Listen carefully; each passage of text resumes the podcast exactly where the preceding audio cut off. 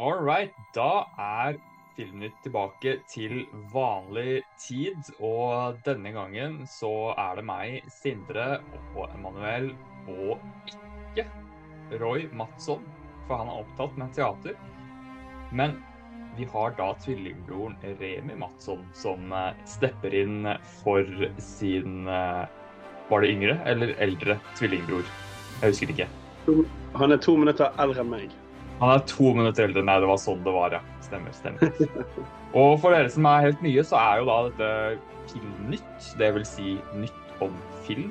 Eh, Stort sett da, så er det mye fokus på de nyeste kinofilmene og de største franchisene som Marvel, Star Wars og DC og alt annet som kommer som er veldig aktuelt, som får mye oppmerksomhet. Da. Så hvis du har lyst til å ha nyheter og anmeldelser og diskusjoner rundt uh, disse tingene her, så er vi kanskje det beste stedet du kan komme til i Norge. Fordi det fins andre som har høyere kvalitet på produksjonen enn oss, men det er faktisk ingen som jeg har funnet som dekker de tingene så mye som det vi gjør, så, og så ofte som det vi gjør nå. Så det er, det er verdt å, å, ta med seg, gutta, at vi har kommet dit. Yes. Og mer skal det bli. Mer skal det bli. Vi har med et voksende team nå på, som skal være med å lage ting som kan veldig mye forskjellig om mange forskjellige ting, og, og kommer til å, et, kunne øke til flere programmer i uka. Så det er bare å følge med, så kommer vi til å lage masse kult uh, content. Både på Filmnytt her og på YouTube-kanalen vår Jurassic Startups.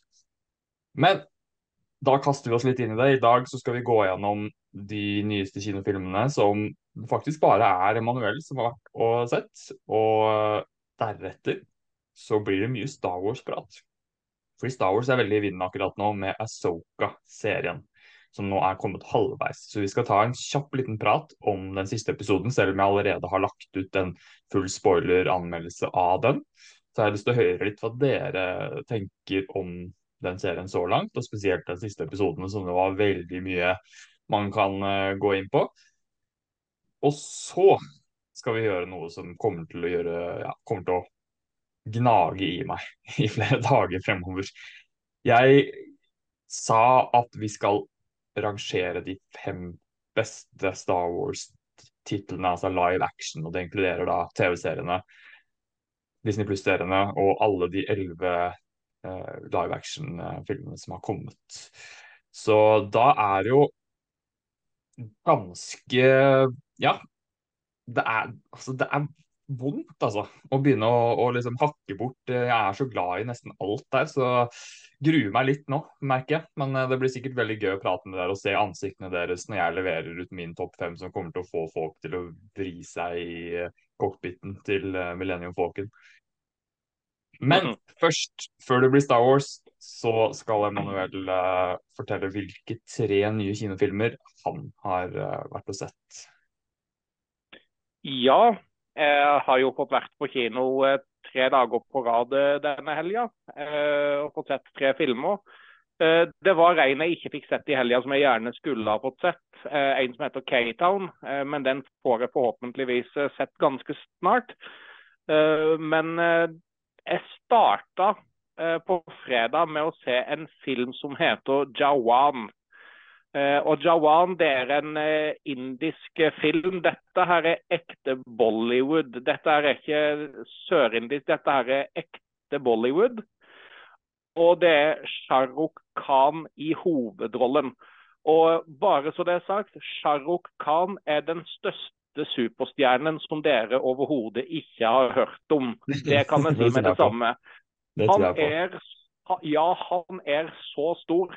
Bare sånn, For å sette dette litt på spissen her. Eh, nevnte jo tidligere i en sånn en anbefaling den der indiske remaken av Forest Gump. Eh, og Hvis man husker Forest Gump-filmen, så er det jo en sånn en sekvens hvor Forest Gump møter Elvis som liten, eller når han er liten, så møter han Elvis.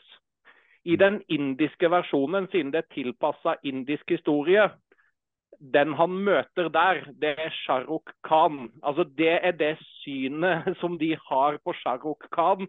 Det er okay. det samme som amerikanerne omtrent har på Elvis. Kanskje ikke fullt så høyt, men det er liksom så, så, stor, så stor stjerne er han. Men eh, det her var en heidundrende actionfest. blotta for all logikk i actionscenene. selvfølgelig, som ekte Bollywood, så blir det litt sang og dans inni der. Men sånn er det bare. men det her var kjempegøy, altså. Og det var eh, å oppleve disse her filmene på kino. Eh, en av de youtuberne jeg følger hadde også vært og sett det når han sa det at eh, de reaksjonene i salen eh, er jo akkurat den type reaksjoner som, som man møter eh, for eksempel, som man møtte f.eks. på No Way Home og Avengers Endgame under spesielle scener. Den type reaksjoner får man av publikummet der når spesielle karakterer kommer inn. Så det her var, det her var kjempestas. Eh, indisk film det er verdt å sjekke ut. Jeg vil kanskje anbefale folk å starte med RRR hvis de skal eh, starte med indiske filmer. Men hvis man har sett RRR og har lyst til å dykke litt mer i den type indisk film, så vil jeg anbefale Jawan som neste film. Går kanskje litt begrensa omfang, men det kom en sånn Netflix-logo før eh, filmen starta om at det er noe samarbeid på distribusjonen, så det er ikke utenkelig at den havner på Netflix etter hvert. Men jeg vil anbefale å se den i en fullsatt kinotall, hvis en får mulighet til det, for det var en fest. Vet du hva, jeg nevnte jo for deg at jeg vurderte den der eh, Imax-visningen av, av, den filmen. Og ja. jeg hadde nok ikke endt opp med å gå uansett, fordi formen var så dårlig. Men, men jeg kom på først nå, når du sa det, at jeg gikk jo faktisk inn for å sjekke om det var ledige plasser. Og det var nesten ikke ledige seter, altså. Nei. Det syns jeg er veldig gøy. At det er i, i Oslo, liksom, i, i, i, den mest profilerte, populære kinosalen, så var, så var det skikkelig fullt, liksom. Det, og alle VIP-setene var solgt ut og sånn. Så det, det, det, lover bra for at, at folk gidder å, å, gi det oppmerksomhet også i Oslo, da. Absolutt. Og det som jeg kan ta og si, er jo det at det er klart. Det var full sal når vi var der. Og jeg var der sammen med, med kona og svigerfamilien min. De er jo fra India. Når jeg kikka rundt der i salen, eh, så var det jo meg og en til eh, som jeg kunne se var vestlige, holdt jeg på å si. Eh, resten var jo var jo mennesker som ikke var vestlige, men det er jo ikke bare indiske. Det var jo folk som en se, som en fikk høre var fra Pakistan og Afghanistan og sånne ting. Fordi at de filmene er svære. Og Shah Rukh Khan, som sagt, han er den største stjernen du ikke har hørt om. Mm. Så har jeg hørt om han. Helt, jeg hørt om han ja, nå. Jeg, jeg, jeg, tror jeg kommer til å klare å huske det, fordi det ligner sånn på Shere Khan. Ja, Tigeren Shere Khan. Helt riktig. Men ja. uh, hun var jo med, hun hadde jo en sånn en eh, special appearance i filmen. Hun er eh, Depika Padukone, holdt jeg på å si. Jeg vet ikke om du så Oscar-utdelinga i år, men det var hun som introduserte Natu Natu-sangen. Ja, men hun har også vært med i den der XXX Return of Alexander Cage-filmen også. Mm. Så, men hun har sitt opphav fra indisk kino, så hun har, var med som special appearance. Mm. Kult. All right, så du har da sett den. Du har sett The Nun 2, og du har sett Gold, da. Ja. ja. Så hvis jeg nå tar og hopper til uh, gårsdagens film, så var jo det Gold, da.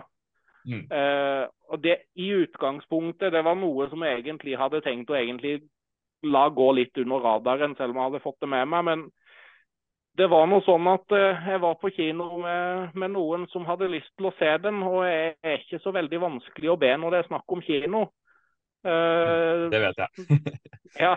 Uh, og dette her er jo Helen Mirren gjør jo en kjempejobb som Golda Myrson, som da var Israels fjerde statsminister, eneste, eneste kvinnelige statsministeren omtrent og, og en av grunnleggerne av staten av Israel.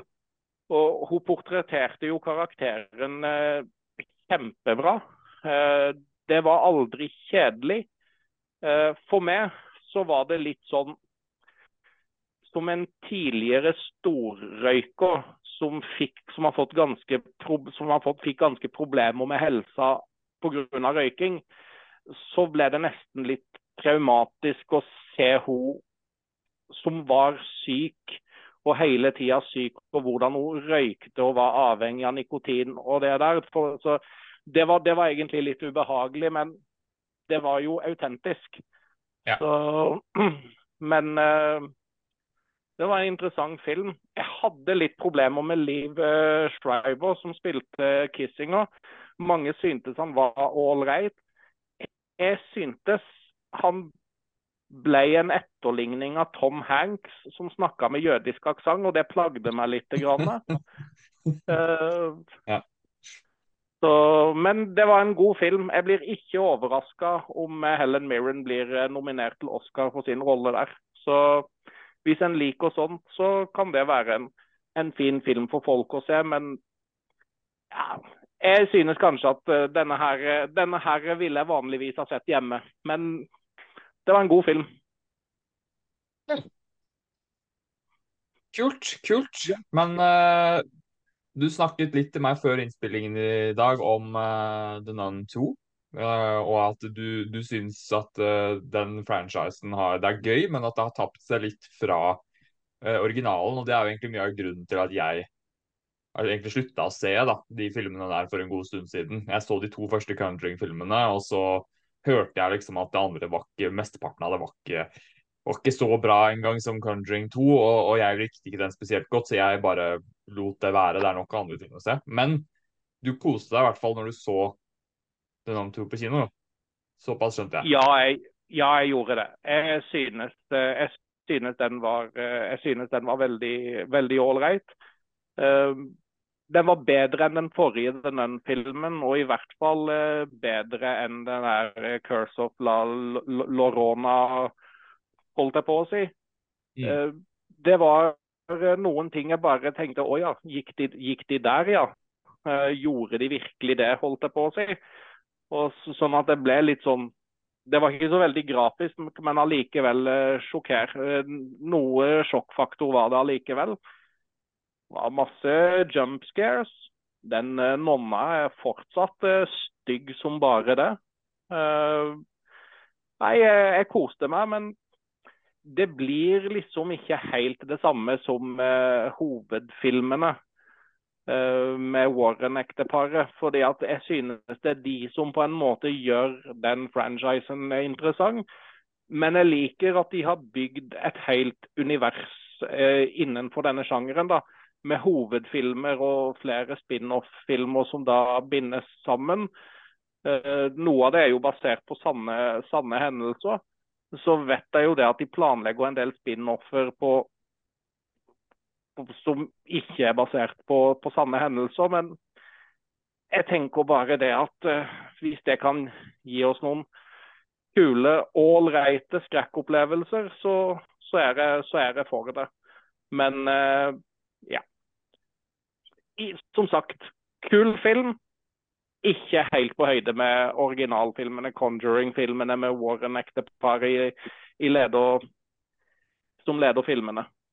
All right. Men uh, da er jo Ja, da har vi dekket de tre kinofilmene. Uh, og yeah. da kan vi rett og slett bare Du var ferdig nå, Emanuel, ikke sant? Jeg var det. Eh, hvis jeg bare skal oppsummere disse tre filmene, så var Jawan eh, uten tvil den beste av de tre filmene. Så hvis jeg skal virkelig anbefale en film å gå og se på av disse tre, så er det Jawan. Det tror jeg på. Den har jeg, den her frister meg å, å, teste ut i IMAX, eh, ut fra den sjangeren det er, og se litt sånn ordentlig storslagen eh, action eh, fra en litt annen kultur enn Hollywood, det er ikke noe jeg har gjort spesielt mye av. Så det, det frister altså for å utvide horisonten litt mer. Jeg synes, at, eh, jeg synes, at, Remi må i hvert fall løpe og se den, for jeg vet at Remi var begeistra for RRR. Ja, ja, ikke sant. All right. Skal vi kaste oss over i en galakse langt, langt borte, da? Begynner med en liten runde på Asoka episode fire først. Og regner med at dere har sett den begge to? Ja. Og jeg har sagt veldig mye om den, eh, og det, mine tanker ligger ute. Jeg skal si litt nå, men jeg er mest nysgjerrig på hvordan dere responderte på det her i forhold til meg. Men Manuel kan ta deg først. Nei, altså jeg syns jo dette her eh, underholder godt. Eh, jeg må si det at eh, jeg ble litt, jeg ble litt skuffa over valget som, som lærlingen til Asoka gjorde, gjorde på slutten. Hvis, ja. hvis, jeg ikke skal spoile noe. Men slutten, den siste scenen, oh my god. Det var jeg vet han, han har sikkert dukka opp eh, masse ganger i andre serier som jeg ikke har sett på. Men uh, å se han der, da ble jeg bare yeah, yeah. Når uh, Hayden Christensen hvem det, hvem hadde trodd det for 15 år siden? Uh, at han skulle ja. få en sånn reaksjon? Nå, nå ja. det, det, sier litt om hvordan Star Wars-fandom utvikler seg. og hvordan generasjonene styrer litt hva som er sett på som bra Star Wars og dårlig Star Wars. Men uh, Remi, du hadde vært ganske positivt uh, i serien til nå, du òg, hadde du ikke det? Jo. Um, dessverre så ble jeg spoilet Hayden Christensen sin kamera før jeg så episoden. Ja, altså. men det ja, så, når jeg ble spoilet, så satt jeg bare og ventet på det. på en måte. Men, Men skjønte ehm, dere Jeg er bare nysgjerrig på en ting før du fortsetter. Ja. Fordi dere har kanskje ikke sett animasjonsseriene, noen av dere. Jeg vet at det man har ikke gjort, i hvert fall. Og, så jeg regner med at dere ble liksom forvirra av hvor hun var hen uh, når hun så ham. Ja, jeg har bare jeg har hørt uh, snakk om noe sånn in between world. Ja, world between worlds. Jeg kan mm. forklare det veldig kjapt, da, hvis det er folk som hører på som kanskje ikke skjønner det òg. For det er jo fra en, mm. en, animasjonsserie som relativt få har sett i forhold til alt det andre i Star Wars. Det er jo da Legger jo i begrepet World Between Worlds. Et, e, sånn realm som opererer utenfor tid og rom. Som egentlig er grunnen til at Asoka lever.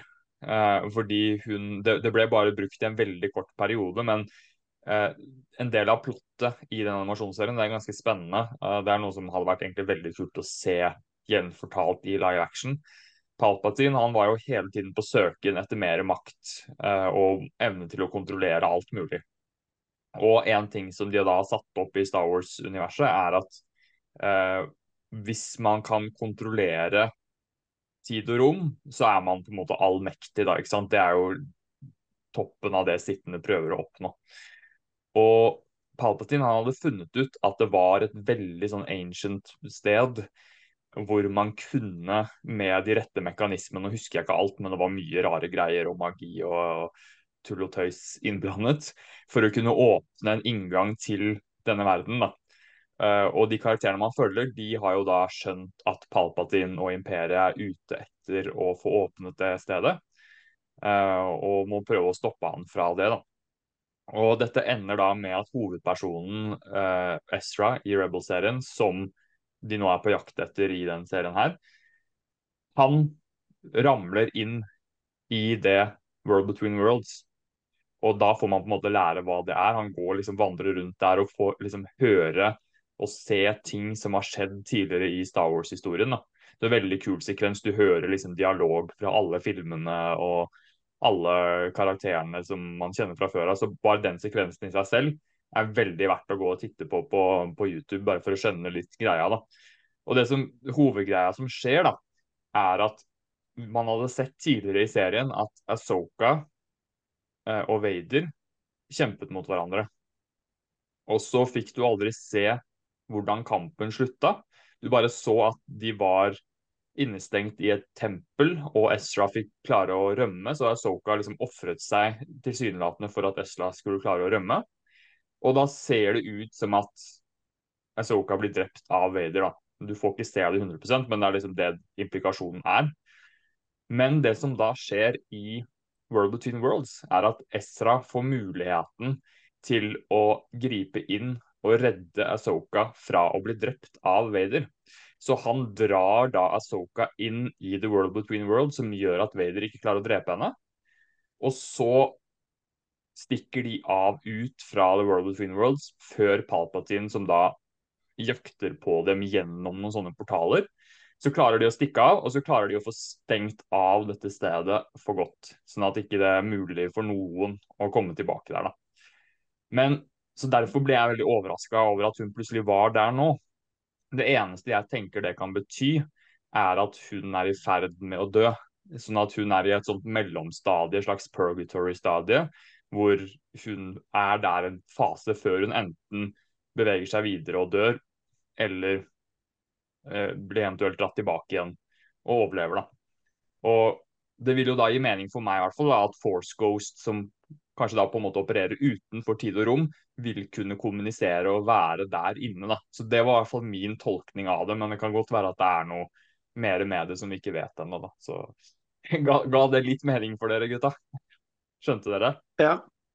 Ja, men gå, gå, og se den sekvensen, altså, for det er en veldig kul Star Wars-scene med masse interessant law og eh, mye konsepter som de åpenbart kommer til å bygge videre på. Da. Så det er, det, er, det er, verdt å se for å skjønne seg litt på hva de skal gjøre med det her fremover. Ja.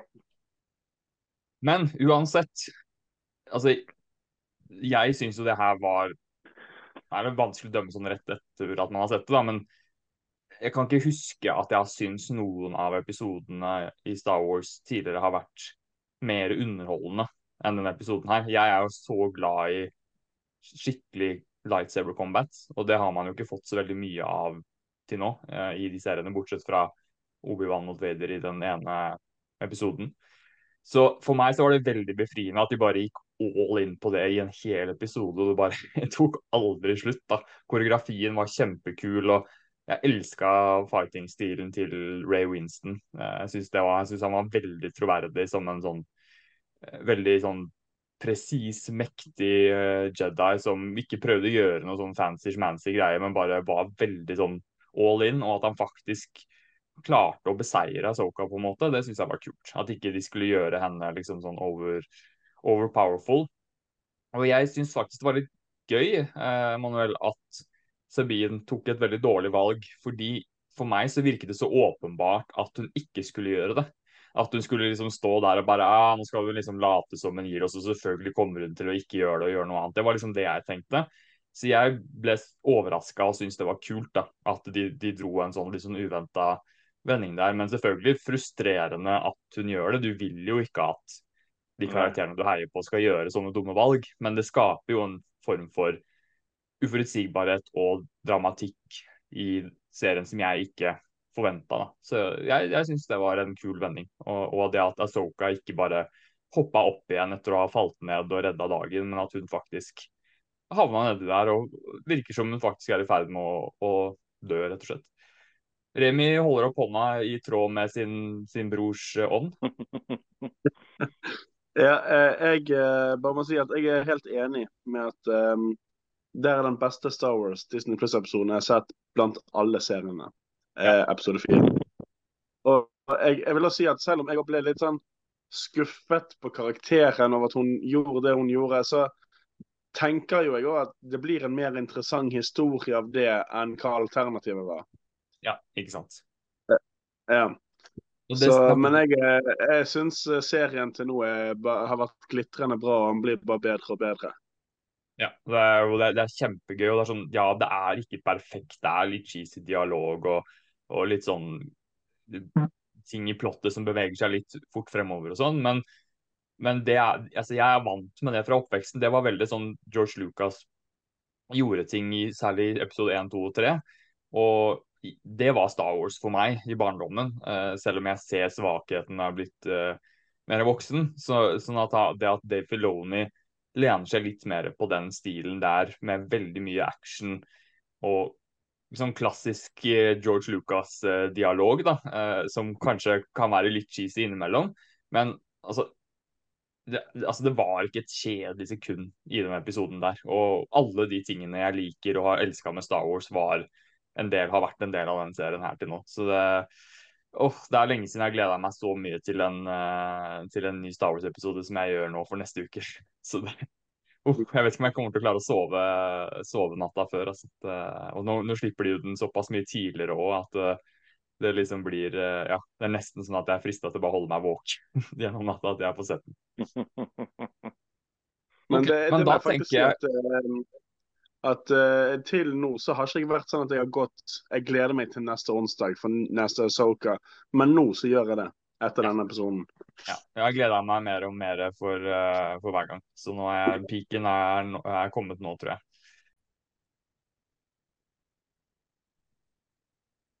OK. Pust, pust, pust. Hva er de fem beste Star Wars live action-titlene gjennom tidene? Det skal vi prøve å komme fram til her, her nå. Eh, og vi har laget hver vår liste, så skal vi kåre som vanlig en vinner av en topp fem-liste etterpå, som da får velge tema for neste topp fem-liste.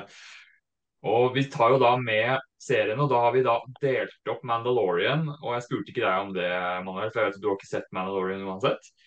Og, så alle de tre sesongene av Mandalorian telles som separate titler. Eh, og det er jo ganske stor forskjell på de sesongene, så jeg tenkte at det var veldig greit da, eh, for å kunne ha med det man faktisk har syntes har vært eh, klart best. Mm. Så bare, jeg tenker rett og slett bare for å, å få, å få liksom kasta meg inn i det, eh, sånn at jeg slipper å få mer vondt i hodet, så, så starter jeg med min femteplass, og så sender jeg det bare videre. Og min femteplass, og det er, kommer kanskje til å eh, skje noe med deg nå, Remi, når jeg sier det her. Jeg vet ikke, jeg er ikke helt sikker på hva slags forhold du har til den, men min femteplass er Star Wars episode 1, The Phantom Menace. Og mye av grunnen til det er at den, my, veldig mye av den oppdaget jeg at satt altfor langt unna mikken. Så veldig mye av den kjærligheten jeg fikk i barndommen, kom fra at jeg så den på kino. Og jeg hadde allerede vært investert i episode 4, 5 og 6, eh, og var glad i de. Eh, Men jeg var ikke i nærheten av den nerden som jeg ble etter at jeg gikk og så The Phantom Menace på kino, som var var vel sannsynligvis den første sånn skikkelig storslagne, episke kinoopplevelsen jeg hadde. Jeg hadde stort sett sett ganske barnevennlige filmer på kino før det, med noen få unntak. Men det, var- liksom det største jeg hadde opplevd på en kino noen gang. Og det var vel den første filmen noensinne som jeg gikk og så mer enn én gang på, på kino. Og etter det så løp jeg rundt i hagen og fekta og holdt på med kompisene mine, og vi skulle liksom leke at vi var uh, Obi-Wan Quaigon, og det har vært mål å reenacte den, eh, altså gjøre den fighten på nytt igjen, og prøve å øve inn koreografien så nøye som mulig for å få det til å bli helt likt. Og når den kom ut på VHS, så, så satt vi og så filmen igjen og igjen og igjen. Jeg husker at vi hadde sånne overnattingsrunder i telt ute i hagen, hvor vi hadde plassert en eh, sånn eh, liten VHS-TV, sånn som innebygd VHS-spiller, inni teltet. Sånn at vi da satt og så den siste halvtimen med den eh, Duel of the Fates-fighten bare på repeat eh, mens vi lå eh, i teltet der eh, gjennom natta. Da. Så det, det var liksom første filmen noensinne som jeg ble sånn helt, helt hekta på eh, ved siden av Jurassic Park. Da. Så den kunne ikke droppes fra den lista her. Eh, kvalitetsmessig, ja, i voksen alder så ser jeg at eh, mange av de andre filmene er bedre på en del ting, men når den har skapt så mye av engasjementet i, i bunnen for min Star Wars-opplevelse, så måtte jeg bare ha den med, rett og slett. Mm. All right, Remi. Um, ja, da hopper jeg på min nummer fem, og det er rett og slett Solo. A Star Wars-movie. Ja, fair, fair. Så jeg liker den, jeg òg, men den, er, den ville vært uh, ganske klart på sisteplass for meg av alle, alle Star Wars-filmene. Men, uh, men altså, det er jo altså Alt, alt er bra i mine øyne. Så det er ikke noe sånn at jeg, jeg trasher ikke på den filmen, eller at du liker den i det hele tatt. Så det er bare Det er liksom et eller annet som mangler litt for meg da, i den filmen. Men uh, kult at noen har den med. Kult at det blir stor variasjon i, i listene våre. Det, det syns jeg bare er kjempefint. Og så må jeg si at eh, Det eneste jeg ikke likte med den filmen, er rett og slett uh, Nå er det så mange år siden at jeg tenker spoiler-band er liftet. At, at Darth Mole-greien kommer helt på slutten, det er det eneste jeg ikke liker med den filmen. Resten syns jeg alt var kjempebra. For de som ikke vet hva Remi snakker om, så er det da en sånn avsløring på slutten om at Darth Maul har vært innblandet i noe her hele tiden, og har at den ene karakteren til Emilia Clark har jobbet for Darth Maul. da.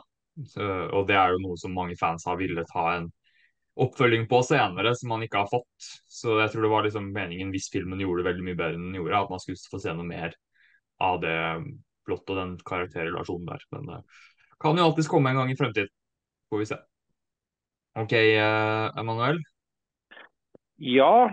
Uh, jeg tror uh, min liste kanskje ikke blir så veldig spennende. Jeg hadde lyst til å jeg var frista til å legge inn en finte her på femteplass og ta Spaceballs, som er en Star Wars-parodi, men jeg gjorde ikke det. Gøy. Gøy. Uh, altså tenkte jeg skal jeg sjokkere og ta med Star Wars Holiday Special. Uh, jeg skal ikke gjøre det, men jeg har måttet ta litt utgangspunkt i uh, de tingene jeg har sett sist. Uh, også selv om jeg har sett det mest, selv om jeg har sett alle filmene, så er det ikke alle jeg har sett såpass nylig at jeg har klokka de inn på IMDb-profilen min at jeg kan se hvor jeg har rangert de. Så jeg har lagt det litt til grunn for hvordan jeg har plassert de. Og på min femteplass så har jeg en film jeg, som jeg liker. Altså, Jeg skjønner at denne filmen her har fått en del hat. Men jeg, jeg synes den var kjempe, kjempegøy. Jeg koste meg med den. Så jeg har faktisk The Rise of Skywalker på min femteplass. Jeg syns ikke Jeg, jeg kjeda meg ikke med den. Jeg hadde det helt topp. Det, jeg, igjen, jeg repeterer det. Jeg syns det er gøy. og Man ser det igjen og igjen. Jeg ser at folk prøver å lage sånne rangeringer i forskjellige grupper og sånn. Det er så forskjellig. Folk kommer inn i Star Wars på så forskjellige tidspunkt i livet sitt, og man blir introdusert for ulike ting. og det er liksom det er, Ja, veldig mange er enig i at den gamle trilogien er bra, men sånn videre utover det, så er det så mange forskjellige meninger. Så jeg syns det er veldig gøy at du har den filmen med. og Den er ikke med på min topp fem, det kan jeg avsløre, men den er faktisk ikke så fryktelig langt unna å, å komme med heller. Altså, jeg, eh, for meg så er det absurd at den filmen har fått så mye trash som den har fått. Jeg syns den er fryktelig underholdende, og, og, at hvis man klarer å løsrive seg litt fra mye sånn behind the scenes-greier og forestillinger man har hatt i hodet sitt om hva som burde skje og ikke skje og sånn, så er det på veldig mange måter en, en, veldig bra utført film, som jeg vil påstå at det gjelder med egentlig alle de nye filmene. At filmskapingen i de filmene er ganske mye bedre enn både episode 1, 2 og 3. Uh, eh, selv om altså, law-messig uh, og hva som skjer med plottet, hva som er grunnplottet, syns jeg er mer interessant i prequelene. Men selve det filmtekniske, skuespillet, dialogen og manus og sånn, og, og, konstruksjonen av filmene, syns jeg er rimelig solid altså, i, i, den trilogien der. Ja, Remi? Jeg må si det er litt gøy, fordi at um, sånn som du sa at uh, Solo som jeg tok, kom på din sjetteplass, det er faktisk Rise of the Skywalker. Ja. Desidert på, på, på bunnen min. ja, du er nok ikke alene der. Du er ikke alene der. Jeg tror det var litt av altså, det var, det, var, det var, noen ideer i den filmen og konsepter som jeg er veldig enig i burde vært utbrodert og forklart litt bedre. Og jeg tror at det var, Nå sier jeg ikke at det er tilfellet for din del, men jeg tror at det var veldig mange som bare discarda veldig mye av filmen med en gang fordi de syntes at mange av konseptene som ble dratt inn, ble for mye og for fort. Um, men hvis man klarte å liksom bare akseptere at OK, de tingene som er der, det er der, disse ideene er der, Eh, så, så syns jeg at filmen, i hvert fall isolert sett, var veldig underholdende og veldig sånn, var, i hvert fall dramaturgisk. Hvis du ikke tenker for mye på liksom, okay, hvordan kan det her og det her ha skjedd sånn i forkant, hvordan har Palpatine fått den flåten sin, og hvordan har han overlevd og alt det. Hvis du bare aksepterer at det er, okay, det er plottet, så, så syns jeg ikke det er så veldig mange ting som er liksom så gærent med filmen, sånn isolert sett. Altså det er ikke, det er, det er liksom Med prequel-filmene så er det veldig mange ting jeg liksom kan sette fingeren på at ok, de, alle de tingene her burde og kunne veldig lett vært utført mye bedre. Rise of Skywalker syns jeg har jevnt over bra skuespill. Eh, bra dialog i forhold til episode 1, 2 og 3. Fantastisk musikk, fantastiske effekter, fantastiske actionscener. Eh, ganske bra karakterark for de to hovedpersonene, i hvert fall. Selv om mange av sidekarakterene kanskje blir litt glemt. da. Så nei, jeg, jeg, jeg, ser ikke helt argumentene for at det er en ræva film, selv om det å ha den på sisteplass, det, liksom, det får være fair hvis man ikke liker den så mye, men de som sier at den er liksom så utrolig dårlig, skal ha det til at det er liksom terningkast én eller to, den klarer jeg ikke å relatere meg til en plass. Men uh, så skal vi ikke snakke mer om det. The Rise of Skywalker den har kommet og gått, så Jeg har en eh, fun, fun fact for, for, faktisk om den filmen. Siden ja. uh, mange av sidekarakterene blir sideskjøvet, så mm. skulle faktisk hun Rose ha en mye større rolle, men det krevde at Carrie Fisher ikke døde. Ja, ikke sant. Mm. Så det, det, var jo, det, var jo, også en veldig stor utfordring den filmen hadde. Da, ikke sant? At det mye av det som var planlagt i utgangspunktet. Og det er jo snakkes jo veldig mye om at det ikke var noen form for planlegging rundt de filmene. og det er sant til en viss grad, men det er ikke helt sant heller. Fordi det var en viss struktur planlagt bak det. Og en av de tingene som man hørte var planlagt veldig tidlig, var at film syv skulle være Hans Solo sin film, hvor han skulle være den mest fremtredende av de tre gamle. Og så skulle Luke være i film to, og så skulle Carrie Fisher være veldig fremtredende i den siste filmen. Uh, og det fikk jo da ikke være en del av plottet, så da måtte man jo skru sammen. Og så ble det jo at han manuset til Colin Trevor ble jo kastet ut av vinduet, og det funka rett og slett ikke. Så da måtte de jo starte på nytt og fikk veldig dårlig tid. Så jeg tror det er litt av grunnen til at mange av ideene føles litt sånn rusha og litt sånn kasta inn der uten noen god forklaring på det. Uh, og så skulle jo egentlig den filmen også være altså inneholde veldig mye mer, som jeg vet ble kutta bort. Uh, så en halvtime lenger, 20 minutter lenger kutt av den filmen. Jeg kunne sikkert hjulpet ganske mye, da. Men nå gjorde jeg akkurat det jeg sa jeg ikke skulle gjøre. Bruke masse mer tid på den. Vi har mange filmer vi må gå gjennom. Så da, da slenger vi oss over på, på min nummer fire.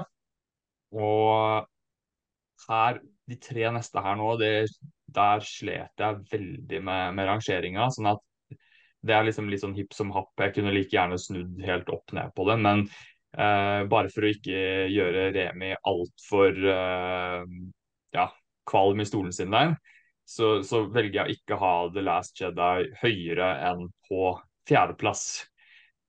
Så, og jeg, Mange av de tingene jeg har sagt om Rise of Skywalker, uh, kunne jeg altså sagt om, om The Last Jedi. Uh, at det er en del av tingene som er ufortjent, ufortjent mye trash. Men den blir jo sett på av veldig mange som en bedre film da, av Rise of Skywalker. Det er veldig mange som ikke liker den, som også innrømmer at det er en vellaget film. Men at de bare ikke liker de valgene, de vendingene som plottet tar, og hva man gjør med noen av karakterene. og Rett og slett, man, man, bare likte Man var ikke enig i den filmen de valgte å lage, men fortsatt mange som anerkjenner at er, det er en bra fortalt film. Det var bare ikke den filmen folk ville ha. Eller i hvert fall veldig mange som ikke ville ha den filmen. Uh, jeg er generelt veldig mye mer sånn åpen i sinnet i forhold til hvor historier går hen, og er veldig sånn mottagelig for ok, hva er det filmskaperne prøver å gjøre her. La meg gi meg selv det beste utgangspunktet for å skjønne det og like det. Og det gjorde jeg med den filmen. Selv om jeg hadde fulgt veldig mye med på forskjellige teorier og ting og tang, så prøvde jeg å legge det bort når jeg gikk inn i kinosalen. Klarte å sette veldig pris på filmen for det den var. og så er jeg ikke nødvendigvis uenig i all kritikken mot den heller, men, men jeg syns det går an å liksom ha et litt nyansert syn på det og se liksom, prøve å legge bort litt den der eh, fanboy-greia som har vært veldig investert i visse ting, visse forestillinger om hvordan Luke-karakteren skal være fra barndommen, og ting som kanskje egentlig er litt sånn fantasipreget og ikke så veldig mye basert på hva som faktisk har vært i filmene tidligere. Eh, og det er jo noe alle involverte i den filmen også har pratet veldig mye om, at de hadde lyst til å ikke prøve å lene seg altfor mye inn i fanservice og bare leve opp til folks fantasier, men de hadde lyst til å faktisk ta tak i en reell historie og prøve å fortelle noe, og ikke bare ha en sånn checkpoint-liste av hva de tror fans vil se. Da. Og det, det tror jeg er veldig sunt å tenke sånn. Og så går det selvfølgelig an å gå med et argument med at det var kanskje den dummeste Star Wars-filmen man kunne gjøre det med, fordi det var størst fallhøyde av alle. Og den, kanskje den Star Wars-filmen som folk hadde mest teorier knyttet til og forventninger til i forhold til hva som burde skje og ikke skje og sånn. Så, så, men den er, det, den er også snakket mer enn nok om i mange år nå, så eh, hvis ikke Remi har lyst til å eh, fortelle meg hvor feil jeg tar, så kan vi jo la den ligge der. Og så kan, vi, kan, du få lov til å fortelle hva som er din fjerdeplass, eh, Remi. Ja, jeg kan jo bare skyte inn at når jeg så The Last Jedi, så var jeg veldig fornøyd med han. Helt til jeg mm. begynte å tenke mer over han, og da bare ble det verre og verre. Jeg, grav, jeg gravde et hull ned der med Ja, men hvorfor skjedde det? Hva skjedde nå? Men første gangen jeg så han, så var jeg veldig fornøyd med han. Mm. Ja. ja. men det, det, er bra å høre at du i hvert fall har hatt en slags positiv opplevelse med den også. da, fordi det er en jeg står veldig for det at det er en veldig vellaget uh, Star Wars-film, uh, men med veldig mange ting man kan diskutere uh, om hva som, hva som valg som ble tatt. Da. Det, det, det er jeg enig OK, Remi? Da, da, på min nummer fire så skal vi ha en film som faktisk allerede er blitt kjøpt. Uh, og den filmen vi skal ha, er Phantom Menace. yes. Uh, og jeg, jeg, jeg, er en av de som faktisk liker Jar Binks. Jeg, jeg syns han er en tidig person, liksom. Altså, han skulle gjerne vært mer med i de andre filmene òg, men. Ja, det har veldig lyst til å skyte inn. Jeg syns det er veldig morsomt. faren min, han han har aldri vært noen stor Star Wars-fan, men han har sett alle Saga-filmene. Og hans desidert yndlingsfilm i alle Star Wars-filmene er Jar Jar Binks. det sier litt om hvor barnslig humor han er, men han har sagt til meg flere ganger, og det er noe dønn seriøst. Han har sagt Sindre, jeg har lyst på en Jar Jar Binks T-skjorte hvis du kan skaffe meg det en gang. Han går, det har liksom han nevnt for meg sånn fem ganger. liksom. Selv om han egentlig ikke er noe særlig Star Wars-fan, så har han veldig lyst på en Jar Jar. Jeg tror han relaterer seg veldig til Jar Jar Binks. og føler, Han føler liksom at han er misforstått på samme måte eh, som Jar Jar Binks. Misforstått av verden. Men eh, ja, det, det er veldig gøy. Og jeg har jo ikke noe spesielt imot mot han. og jeg tror det er også veldig mye med hvilken generasjon man hører til. da. Og hvis du var ti år eller ni år når den filmen kom, så var det litt lettere å bare kose seg med han. Uh, han var veldig mm. cartoonish, men det, det tenkte ikke jeg noe over da når jeg så den første gang. skal jeg være ærlig. Jeg, for meg så sklei han liksom rett inn i, i universet sammen med C-Trippy og Artudito og litt den tullete humoren som han var vant til fra mange av robotene. og, og litt grann fra Yoda i, i starten i, i, Empire Strikes Back og sånn. Så ja, enig. Jeg liker deg, liker deg enda bedre enn jeg gjorde for to minutter siden nå, Remi. Det er bra. OK, Manuel? Ja, eh, på min fjerdeplass eh, så har jeg den eneste filmen som jeg har med her fra den prequel-trilogien med episode 1, 2 og 3. Eh, og da har jeg rett og slett episode 3 med, 'Revenge of the Sith'. Mm. Det, var jeg, det, var den jeg, likte best av de, av de tre. Jeg synes den var jeg synes den var kul, og jeg syntes egentlig den satte et fint punktum inntil videre på den der mm. originaltrilogien. Så det er den jeg har på min fjerdeplass. Ja, og det er en av de filmene det gjør litt vondt for meg at jeg ikke har med på, på lista mi. fordi den så jeg, altså Jeg er veldig glad i den filmen, selv om den har sine feil. Absolutt. Uh, den så jeg vel åt, syv eller åtte ganger på kino, tror jeg. Uh, og Oi er med ganske god margin den filmen noensinne som jeg har gledet meg mest til. Uh, og det, liksom, det, har, det har aldri, aldri, vært en film som har nådd det spenningsnivået. Og vi lå jo, jeg og flere venner vi lå jo ute i telt i tre døgn for å få sikra oss uh, gode plasser til uh, den første visningen, midnattspremieren på Colosseum, med hundrevis av Star Wars-fans som lå i telt utenfor Colosseum kino i Oslo. Sånt skjer ikke lenger i dag uh, med, med internettsalg og sånne ting, dessverre. I hvert fall ikke i nærheten av den samme graden som hun gjorde før. og Der var det jo andre som hadde tatt ut ferieukene sine. Så de, vi møtte jo folk der som hadde ligget der i tre uker. Han brukte opp hele ferien sin å ligge der. Så, og dette var jo folk såpass tidlig på året at det var jo ikke akkurat varmt. Så, nei. nei.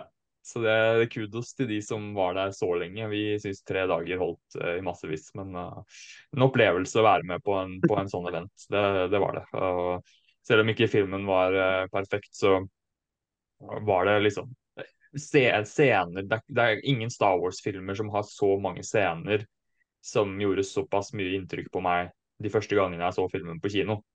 Mange, det er så mange sekvenser der som er emosjonelle underholdende, episke på så mange måter, og, og, som leverte akkurat de tingene jeg hadde drømt om i flere år.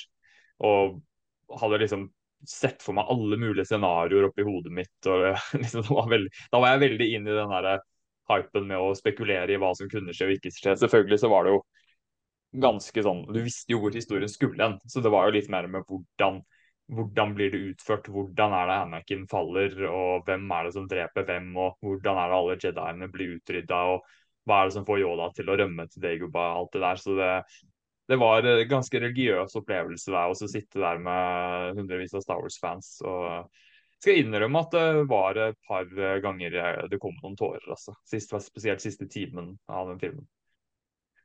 Så veldig glad for at noen fikk plass til Revenge of the Sith på uh, topp fem. Og Remi, mistenker at kanskje ja. du har den også? Jeg vet ikke. Eller eh, går vi, beveger vi oss over på uh, den originale trilogien nå? Um, jeg velger å uh, ikke svare på det på okay. løpende okay. tidspunkt.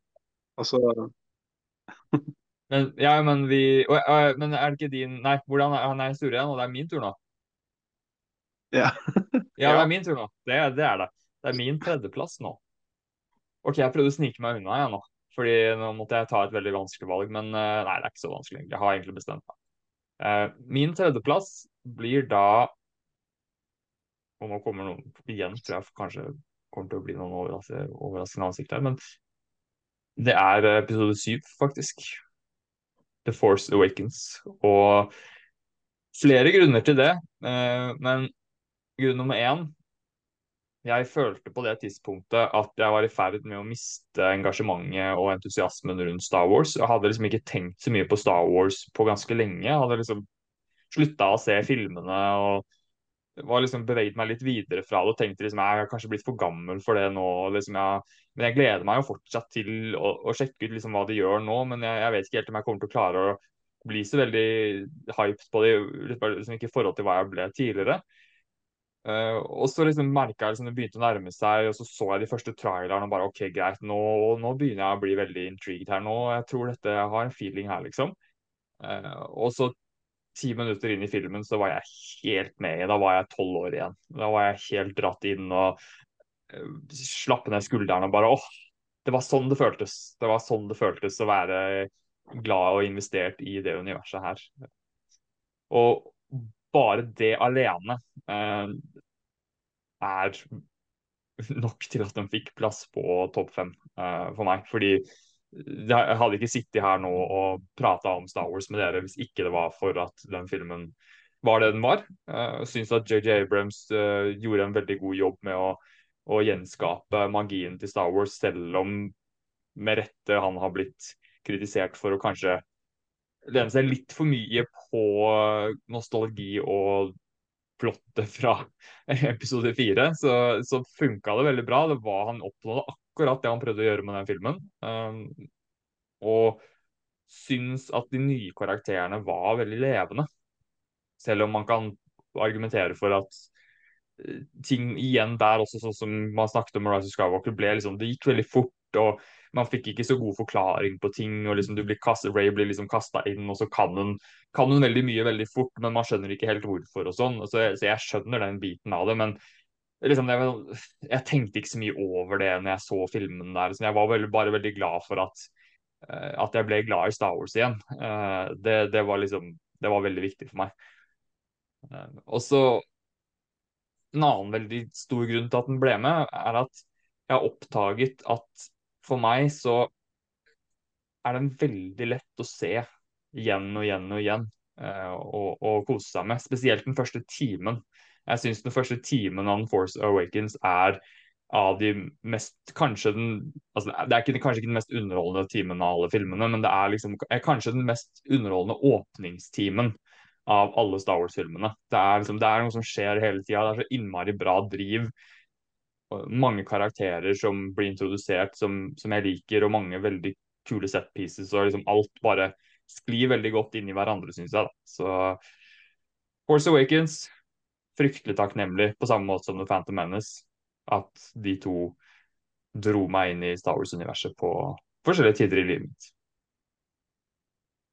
Da, Remi, skal du få lov til å si hvorfor du har Return of the Jedi på din tredjeplass. Nei, men jeg eh, må si at uh, angående Force Awakens, så var det var en av de som jeg uh, var litt usikker på om jeg kunne ha med. Uh, men Solo vant så vidt over han. Men han er på min sjetteplass, faktisk, på listen. Kult. og jeg hadde veldig vel lyst til å ha han med. Jeg husker når jeg så Det var jo en av de første Star Wars-filmene Jeg tror kanskje det var den første, for jeg tror jeg ikke gikk på kino og så Revenge of the Sith av en eller annen grunn. Jeg vet ikke hvorfor. Men um, det, det, var det første jeg så på kino. Uh, av alle Star Wars-filmene. Mm. Og um, jeg husker når Han Solo kom inn og sier 'Shui, we're home'. Det, det var gåsehud over hele meg. Og jeg, uh, jeg må bare gi en liten shout-out til min bror her uh, på hvordan å være en drittsekk. For, han, for han sa til meg før jeg så Force Awakens um, han Solo dør, og de finner Luke. altså, han hadde sett filmen da før du så den, eller hadde han hørt det fra noen andre? Ja, ja han hadde sett den først. Hvor, hvorfor sa han det? Nei, altså, Det var bare for å provosere, på en måte. Men uh... Det var bare for da, da, hvis, det hadde, hvis, det hadde vært broren min, da vet jeg ikke jeg, jeg, jeg, jeg, hører nå på jeg, får inn i øret mitt her at Roy trodde jeg hadde sett ham. Å ja, OK, greit. Han, han, han, bruker det som unnskyldning, liksom? Ja. Mm. ja. Riktig. Riktig. Ja, ja. ja. Men uh, sånn, sånn, kan det gå noen ganger. Jeg, jeg, jeg husker ikke om jeg nevnte tidligere, var han bestekompisen min som hadde holdt seg uh, gjennom alle disse månedene med No Way Home-spoilers bare unngått absolutt alt. Og så den uka han skulle på premieren, så sender svogeren hans eh, en video på Messenger med, hvor han viser alle Spidermanene sammen. Og spør Peter Wow, har du sett dette her? Og han bare Nei! ja. Så, sånn skjer ofte når folk er litt uvitende og ignorante. Ja. ja. Men eh, på min nummer tre så skal vi faktisk ikke til originaltrilogien. Vi skal eh, til uh, serieland. Og um, kanskje litt urettferdig at jeg tar denne serien nå. Men Asoka har imponert meg såpass mye at jeg må legge den inn her. Men han er jo ikke ferdig. Nei, jeg kan... følte ikke at jeg kunne det siden den ikke er ferdig. Men altså, Nei, du, skal, du, skal få lov, du skal få lov hvis du har veldig lyst. Men jeg, jeg, føler at man må se helheten egentlig før man kan putte det inn. Altså. Ellers så hadde jeg vurdert det, jeg også. Ja, men jeg, bare, jeg ble tatt i at den episode fire altså, det, det, var noe veldig spesielt med den. Mm. Uh, som gjør at jeg bare jeg, For jeg liker også ikke kunne vurdere ting før det er ferdig, men jeg bare må gå imot meg sjøl her og si at den kommer på min tredjeplass. Ja. Hvis du føler deg såpass trygg på at du kommer til å ville ha den på lista etter at den er ferdig, så, så er det fair. Uh, og skal vel mye til at de fucker opp så mye i de siste episodene at du ikke setter pris på, på, det de har gjort frem til nå, i hvert fall. Da. Så det, du, du, skal få det. Du skal få det. All right, Emanuel. Da går vi vel over på uh, de gamle filmene, vel, tenker jeg.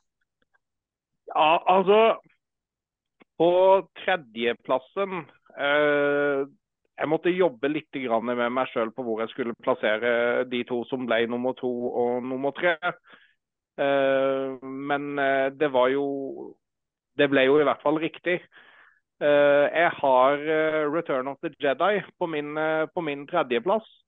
Jeg synes alle tre originale er knall, men jeg synes dette her var en en fin avslutning. Når jeg så den igjen for ikke så veldig veldig lenge siden, da hadde ikke jeg sett den siden jeg så den på kino på en sånn re-release, så ble overraska over at de hadde redigert, redigert slutten, holdt jeg på å si. Ja, de har gjort nye den redigeringer. Ja, det finnes mange versjoner ja, av den. Ja, fordi at jeg ble, over, jeg, ble, jeg ble, litt satt ut av at Hayden Christensen var der på slutten.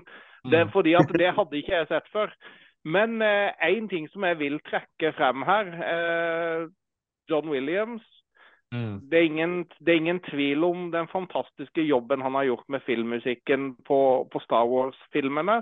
Men jeg spiller tuba. Og Jabba the Hutt-temaet, som er en tubasolo, det tar jeg av meg hatten for at han gjorde. At han brukte en tubasolo for den karakteren der. Så det er en det, Den tar jeg av meg hatten for. Og det er en kul tubasolo. Det har, jeg ikke, det har jeg ikke tenkt over. Men det er mye kul musikk i den Jabba the Hutt-delen av den filmen. Det er det ingen tvil om. Det er eh, mye, mye stilig der, altså. det gjør det. Troy spør om vi vil ha han med. Nei, nei, nei, nei. nei, nei. Jo da, selvfølgelig. Selvfølgelig vil vi det hvis han er klar. Det, det er uh, bare nydelig. Eh, Sindre sier nei.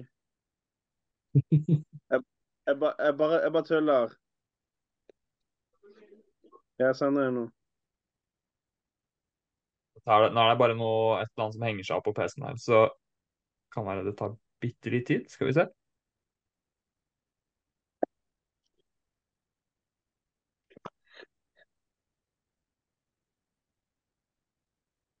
Men i alle dager er det som foregår her nå? Meg og teknologi, altså. Det er noe med DNA-et mitt som bare frastøter seg uh, teknologi. Sånn, nå skal Roy ha fått en link, vet du. Jeg sendte link til han. Ja, du gjorde det? OK. Ja. Det kan vel opp snart. Ok, Men vi bare starter, vi, og så kommer han plutselig inn. Det er bare gøy. Ja. Ok, da begynner vi å nærme oss uh, det dramatiske høydepunktet her. Uh, min andreplass, og der har jeg valgt å ta kaste inn noen TV-serier. vet du. Der lander The Mandalorian sesong to. Som fortsatt for meg, i hvert fall frem til Asoka er ferdig, er det beste som Star Wars Disney Pluss har eh, levert så langt.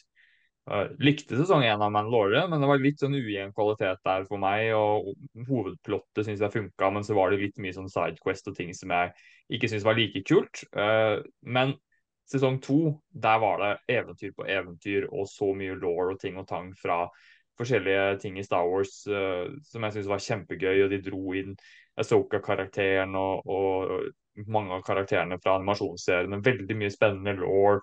Og man sitter jo liksom også bare og venter på dette med ok, hvilken Jedi er det som skal komme og hente Grogu osv. Så, videre. så for meg så var det fantastisk episode på fantastisk episode og storkoste meg med absolutt alt. Det eneste som jeg vil trekke liksom, som trekker ned for meg da, i den sesongen, er at CGI-en på Luke Skywalker i siste episode var så utrolig dårlig i forhold til hva man burde ha fått, da, og hva man har fått senere. Så det var liksom det eneste store minuset. Ellers så likte jeg basically alt omtrent i hele den uh, sesongen. Da. Men se her, ja. Da har vi fått en ekstra, ekstra Matsson eh, med her. Plutselig så var Roy her òg. Velkommen. Hyggelig å se deg, Roy. Takk, takk. Jeg har vært savnet. Du har vært ja. savnet, og har du vært på teater, eh, kommer rett fra teater eh, nå, eller? Ja, vi har hatt uh, fem timers øving på Jul i Blåfjell. I Fem timers øving, ja da blir man sliten, kan jeg se for meg. Absolutt. Man blir sliten av det vi har gjort nå også, eller i hvert fall jeg. Får liksom skallebank av å drive og bestemme meg for hvilke Star Wars-titler jeg liker best og sånn. Du kommer litt sent inn her, men du kommer, du kommer eh, tidlig nok til at du kan få lov til å si din topp to eh, Star Wars-titler gjennom tidene, hvis du klarer det, hvis du har det. Så, så kan du gjøre det. Så eh, du kan få tenke litt på det nå mens eh, Remi kommer med siden nummer to og Emanuel, og så skal vi se om du klarer det. Jeg vil også bare skyte inn før jeg kommer med min nummer to, at uh, når jeg så denne episoden av The Mandalorian, hvor Luke Skywalker kommer, så husker jeg jeg så han med min kjæreste på tiden, og, uh, og det var sånn Han går inn den døren, og jeg er sånn Nei, nei, det kan ikke være. Er det mulig? Er det faktisk Og så, og så viser de fjeset til Luke Skywalker og sånn Det er akkurat sånn han skulle se ut! Det var helt perfekt CGI! Og så bare ser jeg at internettet etterpå er helt uenig med meg. Ja. det, var jo ikke, det var jo ikke vanskelig å se at det skulle være Luke, men for meg så så det ut som et uh, dataspill fra 2005. for, for min del. Så funka ikke det. Men, men hele den sekvensen opp til når du ser ansiktet hans, var jo en av de beste Star Wars-sekvensene noensinne. Så det var liksom bare det at jeg ble så innmari dratt ut av det. Kan sammenligne det litt med den scenen i Revenge of the Sith hvor eh, Luke og Leia blir født, og så ser du Wader liksom reiser seg på det bordet, og alt er sånn kjempeepisk og magisk, og så plutselig så bare blir det kjempehakk i prata når Vader står der og bare Disse er de kleineste øyeblikkene i Star Wars noensinne. Så du har liksom den mest dramatiske, emosjonelle scenen eh, kanskje i Star Wars siden slutten av Return of the Jedi, og så skal George Lucas putte inn en eller annen sånn mongo-klisjé-greie som han har en eller annen sånn greie med karakterer som skriker no veldig høyt og veldig lenge. Og Det har han drevet og putta inn i, i, Return of the Jedi i senere tid òg. Skal dere ha merke til det? At han har liksom fått Vader til å si det masse mot slutten av Return of the Jedi, selv om han aldri sa det tidligere. Han har liksom lagt på at Vader driver og skriker no og sånn flere ganger. Jeg skjønner ikke hvorfor han er så besatt av det. det for meg så er det bare helt latt. Akkurat som han driver og gjør narr av fansen. Et eller annet sånt. Men, eh, men, ja. OK. Men da går vi videre til min nummer to. Og da vil jeg gi dere et lite quote. Master Skywalker, there are too many of them. What are we gonna do? har du Revenge of the Sith på andreplass. Andreplass er Revenge of the Sith. Ja, det liker jeg, altså. Det liker jeg. Det er ganske Altså, nå, har, nå har det ikke vært en eneste en eneste av den, av den originale trilogien eh, enda. Nei, korrekt. Det, det er sjokkerende. Ja, men uh, har du noe mer du vil si om Revenge of the Sith som ikke jeg allerede sa i stad? Eh, jeg syns at uh, det er en av de mest spennende av alle filmene. Og jeg, jeg, jeg, jeg, fighter folk hele tiden på at prequel-trilogien er så bortkastet som de skal ha det til. Jeg synes jo at Attack of the Clones kan være litt kjedelig innimellom, men Revenge of the Sith og Phantom Menace syns jeg er veldig gøye og veldig underholdende filmer. Og veldig spennende. og rett og slett Anakin sin reise i Revenge of the Sith er uh, toppklasse for meg. Um, og uh, ikke sant, altså, jeg spilte også spill på Xbox rundt Revenge of the Sith, og det var liksom det var en stor greie for meg på den tiden.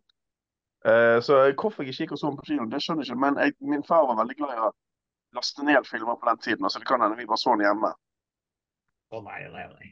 Så du så ikke Manchester City på kino? Da har du gått glipp av noe, altså. Ja, Husker så godt den der åpningssekvensen. Jeg satt der på den største kinoen i største lerretet i Norge, ganske langt foran, og så får du den åpningen hvor de bare flyr over, og så blir du kasta rett inn i den der massive romkampen og sånn, og det var jo utenom 'Ringenes herre'-trilogien kanskje den mest uh, episke uh, sekvensen jeg hadde sett på, på, film noensinne på det tidspunktet der. Så. Royce, jeg eh, klassisk stil her, eh, rekker opp hånda. Broren din har gjort det samme i dag, for, bare for å følge opp hva du pleier å gjøre. Ja, jeg bare skulle si det at uh, For når jeg hørt at Remi sier jeg vet ikke hvorfor vi ikke så han på kino, sånn.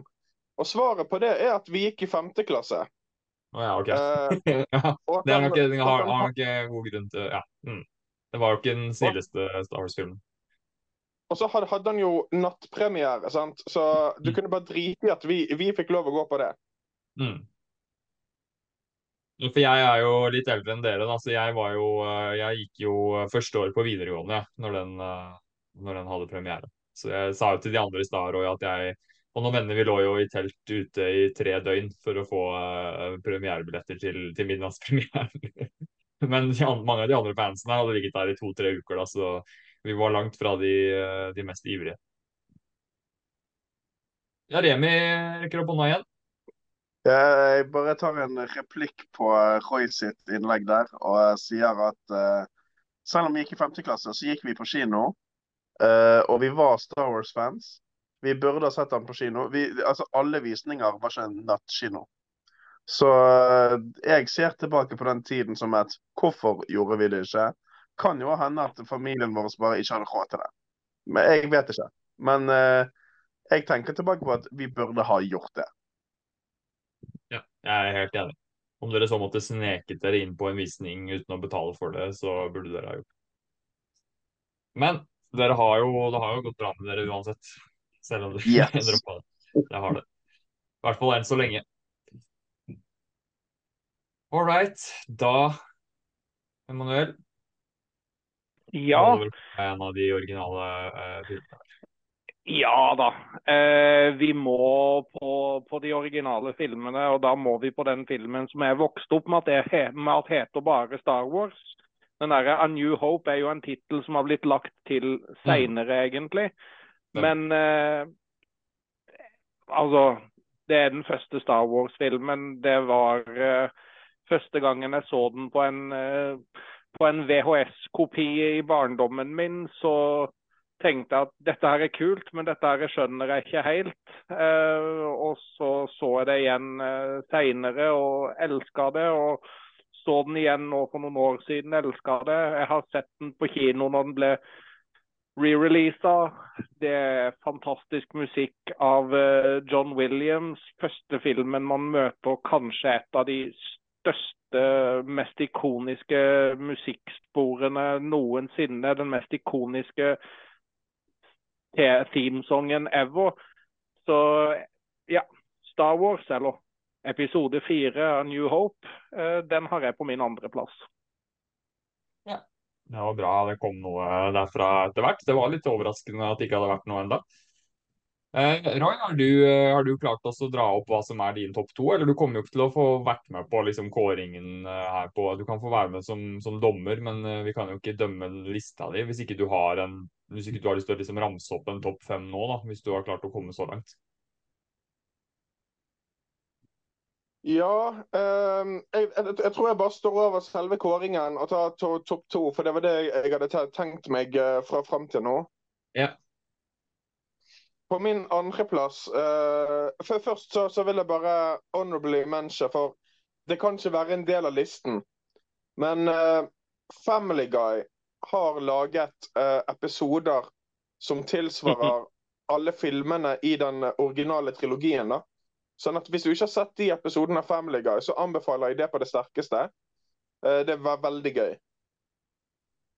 På, Ja, på jeg har faktisk bare sett, eh, sett noe av det. Jeg har ikke sett alt, så det, det har jeg til gode, faktisk. Det, det gleder jeg meg faktisk til å ta en kveld med litt sånn Jeg kan ta en sånn Star Wars-parodikveld, rett og slett. For det fins jo mange andre bra parodier der ute òg. Baseballs. Kristen sa jo noen Star Wars-episoder også nå, så det er mye, mye greier. Og på, på andreplassen min så har jeg et, eh, en eh, Disney Pluss-serie eh, som heter Andor. Uh, og jeg, eh, jeg har skjønt at den ikke er for alle, men jeg syns at dialogmessig og narrativet i serien var veldig, veldig spennende. Og så Mm. var det så, så forfriskende at det var så bra, uten at man nødvendigvis trengte navnet Skywalker i, i det. Jeg er helt enig. altså Jeg har ikke klart å få den inn på min, min topp fem, men det er en utrolig vellaget serie. og Jeg syns det er kjempegøy at de turte å lage en såpass annen sjanger og annen stil i Star Wars. og det er ikke sånn at Jeg vil ikke at, at all Star Wars skal føles ut som det der og være så seriøst, men jeg syns det er veldig kult at de lagde noe som var det, og som var for et mer voksen publikum, hvor plottet var litt mer eh, Det var veldig slow-paced i Star Wars å være, men ting var veldig godt fortalt. og føltes mer ut som en sånn sci-fi drama fra HBO, egentlig, enn en typisk Star Wars-serie. Jeg syns det var veldig forfriskende, i hvert fall når man får så mye annet klassisk Star Wars ved siden av. da, ikke sant? Når, når, du får liksom Du får jo Asoka og, og den pulpy, uh, fast-paced action-greia de serverer der nå. Uh, og da syns jeg det er veldig innafor at man prøver å eksperimentere med helt andre ting også. Så jeg er også veldig, veldig glad for at Andor var det den var. Så, men uh, jeg, jeg, jeg, tror kanskje at, at det hadde vært større sjanse for at jeg kunne ha den i nærheten av topp fem hvis Eh, de hadde fortalt hele historien. Fordi den, den, den kommer jo ikke så veldig langt. Liksom, du skal jo se hele oppbyggingen av opprøret og lede alt frem til Rogue One. Og kanskje når hele den historien er fortalt, at den er litt nærmere. Men enn så lenge så syns jeg at sesong én det ble litt ufullstendig for meg der det slutta, rett og slett. Eh, selv om det var veldig mange av episodene som var uh, ekstremt bra. Men Roy, din favoritt. Det må vel være Det må vel være uh, skal, jeg, skal, jeg, bare si førsteplassen min nå? Ja, ja, du kan vente etterpå hvis du vil det. Du, du, kan, du kan gjøre som du vil. OK, jeg, eh, jeg, jeg kan bare si den nå, sånn at det, sånn at det er gjort. Mm. Uh, og da skal vi til Norge. Ja, vi skal til uh, til introduksjonen av Yoda sånn rent kronologisk sett. Vi skal til uh, Lando Cal Calrissian, Har Harrison Ford som improviserer fram en ikonisk replikk til Leia idet han holder på å bli fryst ned for evig tid. Vi skal til den største sjokkerende uh, narrative uh, plot-twisten i moderne filmhistorien, nemlig 'Empire Strikes Back'. Og det er jo en relativt vanlig mening å ha, og det er vel den hvis man hadde hatt en sånn avstemning eh, blant alle som noensinne har sett Star Wars-filmene, så er ganske trygg på at det er Empire Strikes Back som hadde vunnet. Det, det er nok. Sånn at det er ingen uh, upopulær mening, selv om jeg uh, ikke nødvendigvis deler den. Eh, har en litt, uh, litt annet syn på den filmen enn veldig mange andre, selv om jeg syns den er veldig god. da, Det, det er det ikke noen tvil om. Men jeg, jeg syns den er litt kjedeligere enn veldig mange andre syns. Altså, jeg elsker den delen med Yoda og Luke, men uh, utenom det så husker jeg også veldig godt tilbake i barndommen at når jeg hadde sett den et par ganger og visste hva som skjedde, så var det liksom ikke så gøy. Uh, det var liksom etter at Yoda og Luke er ferdig, så går det liksom litt sakte. Og den fighten med Vader er liksom er jo ganske dårlig koreografert. og eh, liksom De bare driver og holder på rundt i gangene der og bruker evig lang tid på å liksom rømme fra de stormtrooperne som ikke klarer å treffe noen ting. og det er sånn, Jeg husker at det var liksom ikke så gøy eh, som, som Return of the Jedi var for meg en mye artigere, mer underholdende og mer emosjonell engasjerende film da, enn det Empire Strikes Back klarte å, å være i helhet, i hvert fall. Da, selv om den liksom, hoveddelen i midten der er jo veldig essensielt for Star Wars. og den, altså Alt på Degoba er jo peak Star Wars, men sånn utenom det så, så syns jeg ikke at filmen er så god som, som mange andre, da. Men uh, det blir jo igjen også bare sånn hva, hva, er det som er best eller dårligst av det som er best? For meg så er Star Wars er Star Wars er Star Wars, liksom. Det, alle, alle, filmene i, i sagaen for meg er, har kvaliteter som jeg setter veldig pris på. Ok, da skal jeg fortelle noe mange de som kjenner meg, vet veldig godt. At den eneste tingen jeg har vært sikker på i mange år når det gjelder rangering av Star Wars-filmene, er at Return of the Jedi er førsteplass. Og det er ikke sånn at den er på førsteplass med sånn veldig veldig god margin, men for meg så er det den mest den best balanserte Star Wars-filmen i forhold til det at den har alle de forskjellige elementene som jeg har likt fra Star Wars opp gjennom livet mitt. Den har den barnslige, teite humoren med Ewokene, som jeg satte veldig pris på som barn. den har den veldig emosjonelle kjernen med relasjonen mellom Vader og Luke. Den har Palpatine på sitt aller mest creepy og kuleste, og han har aldri vært bedre enn han var i den filmen der. Du har kanskje den beste romkampen gjennom alle Star Wars-filmene, også mye pga. stakesa og de dramatiske vendingene underveis i den romkampen. Uh, og, og, så har du en veldig ja, en veldig, veldig spennende emosjonell avslutning. Uh, og, og, den derre siste feiringa på slutten husker jeg hvor det var så magisk for meg når jeg var ung. Det å se at alle heltene bare sto der og feira sammen, og den utrolig vakre seiersmusikken til John Williams som spiller i bakgrunnen. og det var liksom det var et eller annet sånn veldig rørende og fullverdig for meg med å se Return to Jedi. Og det var helt klart den, den jeg likte best av de gamle filmene, og det har det alltid vært. Så fortsatt min vinner til det kommer noe nytt som trumfer den, og det skal mye til. Men det kan jo skje en annen gang. Man veit aldri. Men den får stå på nummer én. OK, Remi. Er du enig med din uh, andre halvdel? Nå, nå skal vi faktisk over til uh, det best feilsiterte sitatet i filmens ja. historie. Ja. Jeg vet hvor du skal den, ja. Mm. Så det er ikke 'Luke, I am your father', for å si det sånn. Det er det Vader er veldig mye mer glad i å si enn Luke. Det er 'no'. ja, sant. uh, men uh, ja, det blir Empire Strikes Back her òg. Uh, jeg vet ikke hvor mye mer det er. Altså, dere snakket mye om han i sted. Jeg vet ikke om jeg har noe å tilføye til det som ble sagt, egentlig. Men det er også bare litt det med at på en måte De onde jeg, jeg går ikke så langt som å si at Vader vant, men at heltene ikke vant, på en måte, mm. uh, var litt sjokkerende for meg å se Donna Altså før Infinity War, for å si det sånn, så at, at det gikk an at helter ikke vant, var litt sånn sjokkerende. Og det var en sånn kul greie. Og jeg likte alle karakterene bedre i Empire Strikes Back enn jeg gjorde i A New Hope. Og eh, det er på en måte, når jeg så gjennom originaltrilogien, så var det den filmen jeg ville se om igjen og om igjen. om igjen.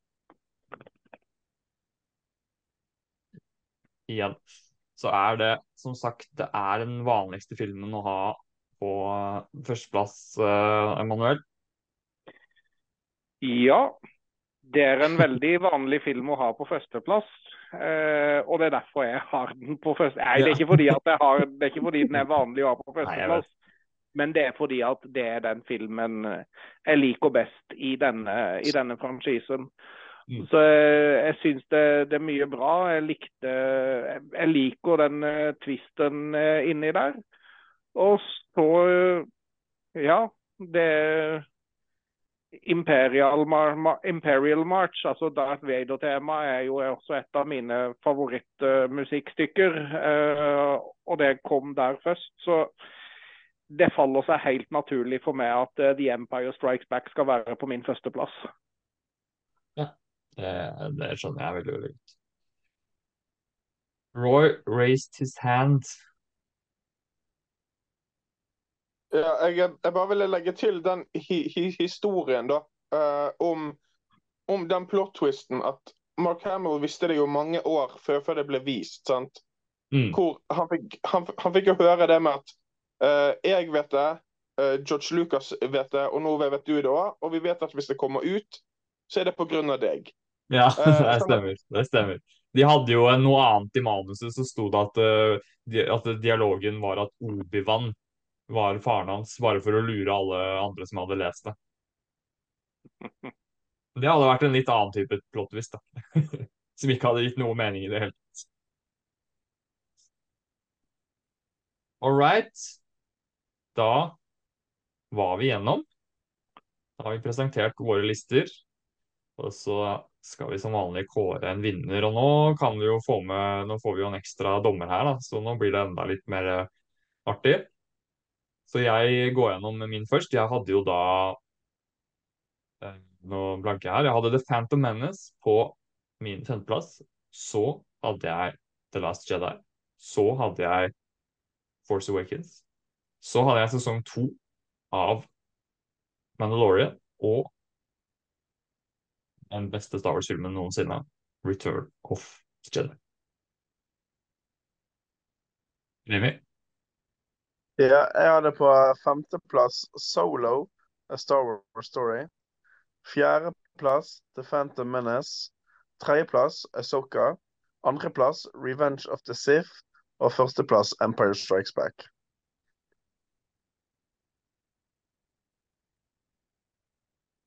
Emanuel. Ja. Jeg hadde på femteplass, uh, ganske sjokkerende, The Rise of uh, Skywalker. Uh, på fjerdeplass Revenge of the Sith. På tredjeplass Return of the Jedi. På andreplass Star Wars, eller episode fire av New Hope, som er den nye tittelen. Og så på førsteplass The Empire Strikes Back. Ja.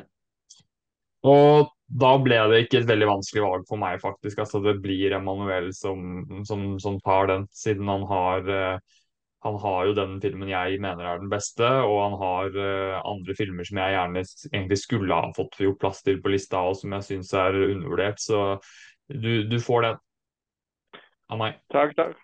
takk, takk. Uh, da kan jo jeg bare si det at du kan si det at når jeg ser på de listene deres, eh, så er det gode titler på, på, begge, på, begge, deres eh, lister. Eh, jeg har ikke sett på Mandalorian. jeg har sett alt på Remi sin liste. og jeg har egentlig likt alt sammen. Jeg liker Asoka, og med tanke på at Empire Strikes Back, som er samme førsteplassen som, som meg, så må jeg gi den til Remi. Mm. Nei, Unnskyld, sa jeg at jeg mente din liste var best? ja. jeg, mente, jeg mente Roy, ja. han, de to han hadde. Jeg syns det var veldig kult originalt å bare velge to, så OK, ett poeng til uh, Emanuel og ett poeng til uh... Nei, jo, ett poeng til Emanuel og ett poeng til Remi. OK, da var Remi. Ja, um, da er det en av dere som har Phantom Menace, og det er en av dere som har uh, Rise of the Skywalker. Så uh, jeg må nesten gi den til Sindre. Yes. All right. Da Det var deilig, vet du. Det var deilig. Én til hver. Da blir det Roy som avgjør. Eh, Roy som avgjør, vet du. Uff. Uff. Altså, kraften er sterk i meg akkurat nå. Uh, den er veldig sterk i den òg. Ser det også med Star Wars-logoen bak deg. um, skal vi se Jeg, uh, jeg kommer nok til å gå for Jeg tror jeg, eh, Remi har, har de titlene som jeg likte best. Han, han, er jo den eneste som har med den mest undervurderte Star Wars-filmen av de alle, solo. Uh, sånn at uh, Det er nok Remi som får poenget fra meg, selv om jeg må kritisere han for å ha med en tittel som ikke er fullført. Ja, jeg veit det. Han fikk litt, uh, litt pepper for det i stad, men vi, vi, vi, lot det gå i og med at vi er enige om at det som har blitt servert, har vært såpass bra, så han skal få slippe unna med den. Men hvis de siste episodene ender opp med å være veldig skuffende, så blir han fratatt seieren, og så sender vi den over til en av oss andre istedenfor. Men uh, ja, da gratulerer, Remi. Da skal du få lov til å gjøre det spenstige valget og velge tema for neste topp fem-liste. Så det kan du få lov til å marinere litt på hvis ikke du har det veldig klart for deg allerede. Så jeg har bare... det veldig klart. du har det? Ok, greit. Kjør, kjør på.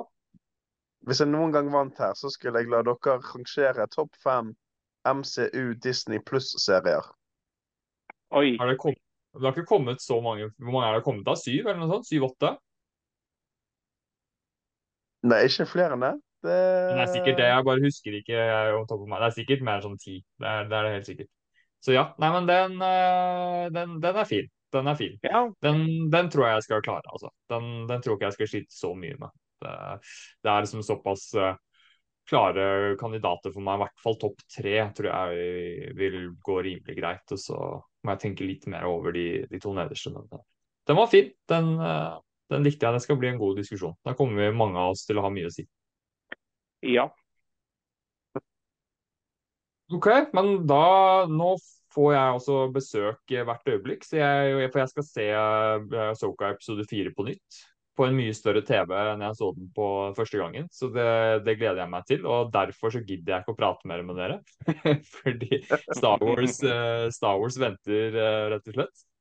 Så da sier jeg tusen takk for denne gangen. Det er fornøyelig som alltid, gutta. Og veldig hyggelig at Roy plutselig ramla inn som æresgjest uh, på slutten her. Og du blir jo med sannsynligvis for fullt igjen om ikke så lenge, etter at du har jobba deg i hjel med disse teatergreiene dine. Så da bare tar jeg den vanlige Dere skal få lov til å si noe på slutten her hvis det er noe dere har å komme med. Men jeg bare tar den obligatoriske ramsa først. Som jeg sa på starten, dette er Filmnytt. Podkasten. Du finner oss på Spotify og en rekke andre podkasttjenester. YouTube-kanalen er Jurassic Starlords. Har du lyst til å støtte oss, så kan du gjøre det med et engangsbeløp på Buy Me a Coffee, Filmnytt på Buy Me a Coffee, eller Patrion-siden vår, hvor du kan støtte oss med månedlige beløp, ganske små beløp, hvor du også da kan få noen sånne ekstra perks, fordeler ved å, å støtte oss, sånn som Remi gjør. Og Roy, du har jo denne gangen, apropos støtte, så pga. en av patronene våre, så skulle vi dekke Outlander. Og denne gangen så har du pre-recorda Roy sin eh, analyse av Hvilket minutt er vi på nå? Det femte minuttet, eller noe sånt? Eller det sjette minuttet? Ja, jeg er, jeg er, litt usikker. Jeg lurer på om det skjer sjette. Vi har i hvert fall pre-recorda det, så her, til dere som hører på, vær så god. Her slenger jeg på Roy sin analyse av det sjette minuttet, tror vi det er, av Outlander episode 1, sesong 1. Ja, det var vel deilig, deilig, å høre. Nå har ikke jeg hørt det selv ennå, men dere som har hørt det, har sikkert kost dere veldig med denne dybdeanalysen eh, fra Roy. Så tusen takk for det, Roy. Og da sier jeg ha det, for nå skal jeg se på Star Wars. Ha det godt. Ha det godt, gutta. Vi prates igjen veldig snart. Vi prates. May the force be inside all of you.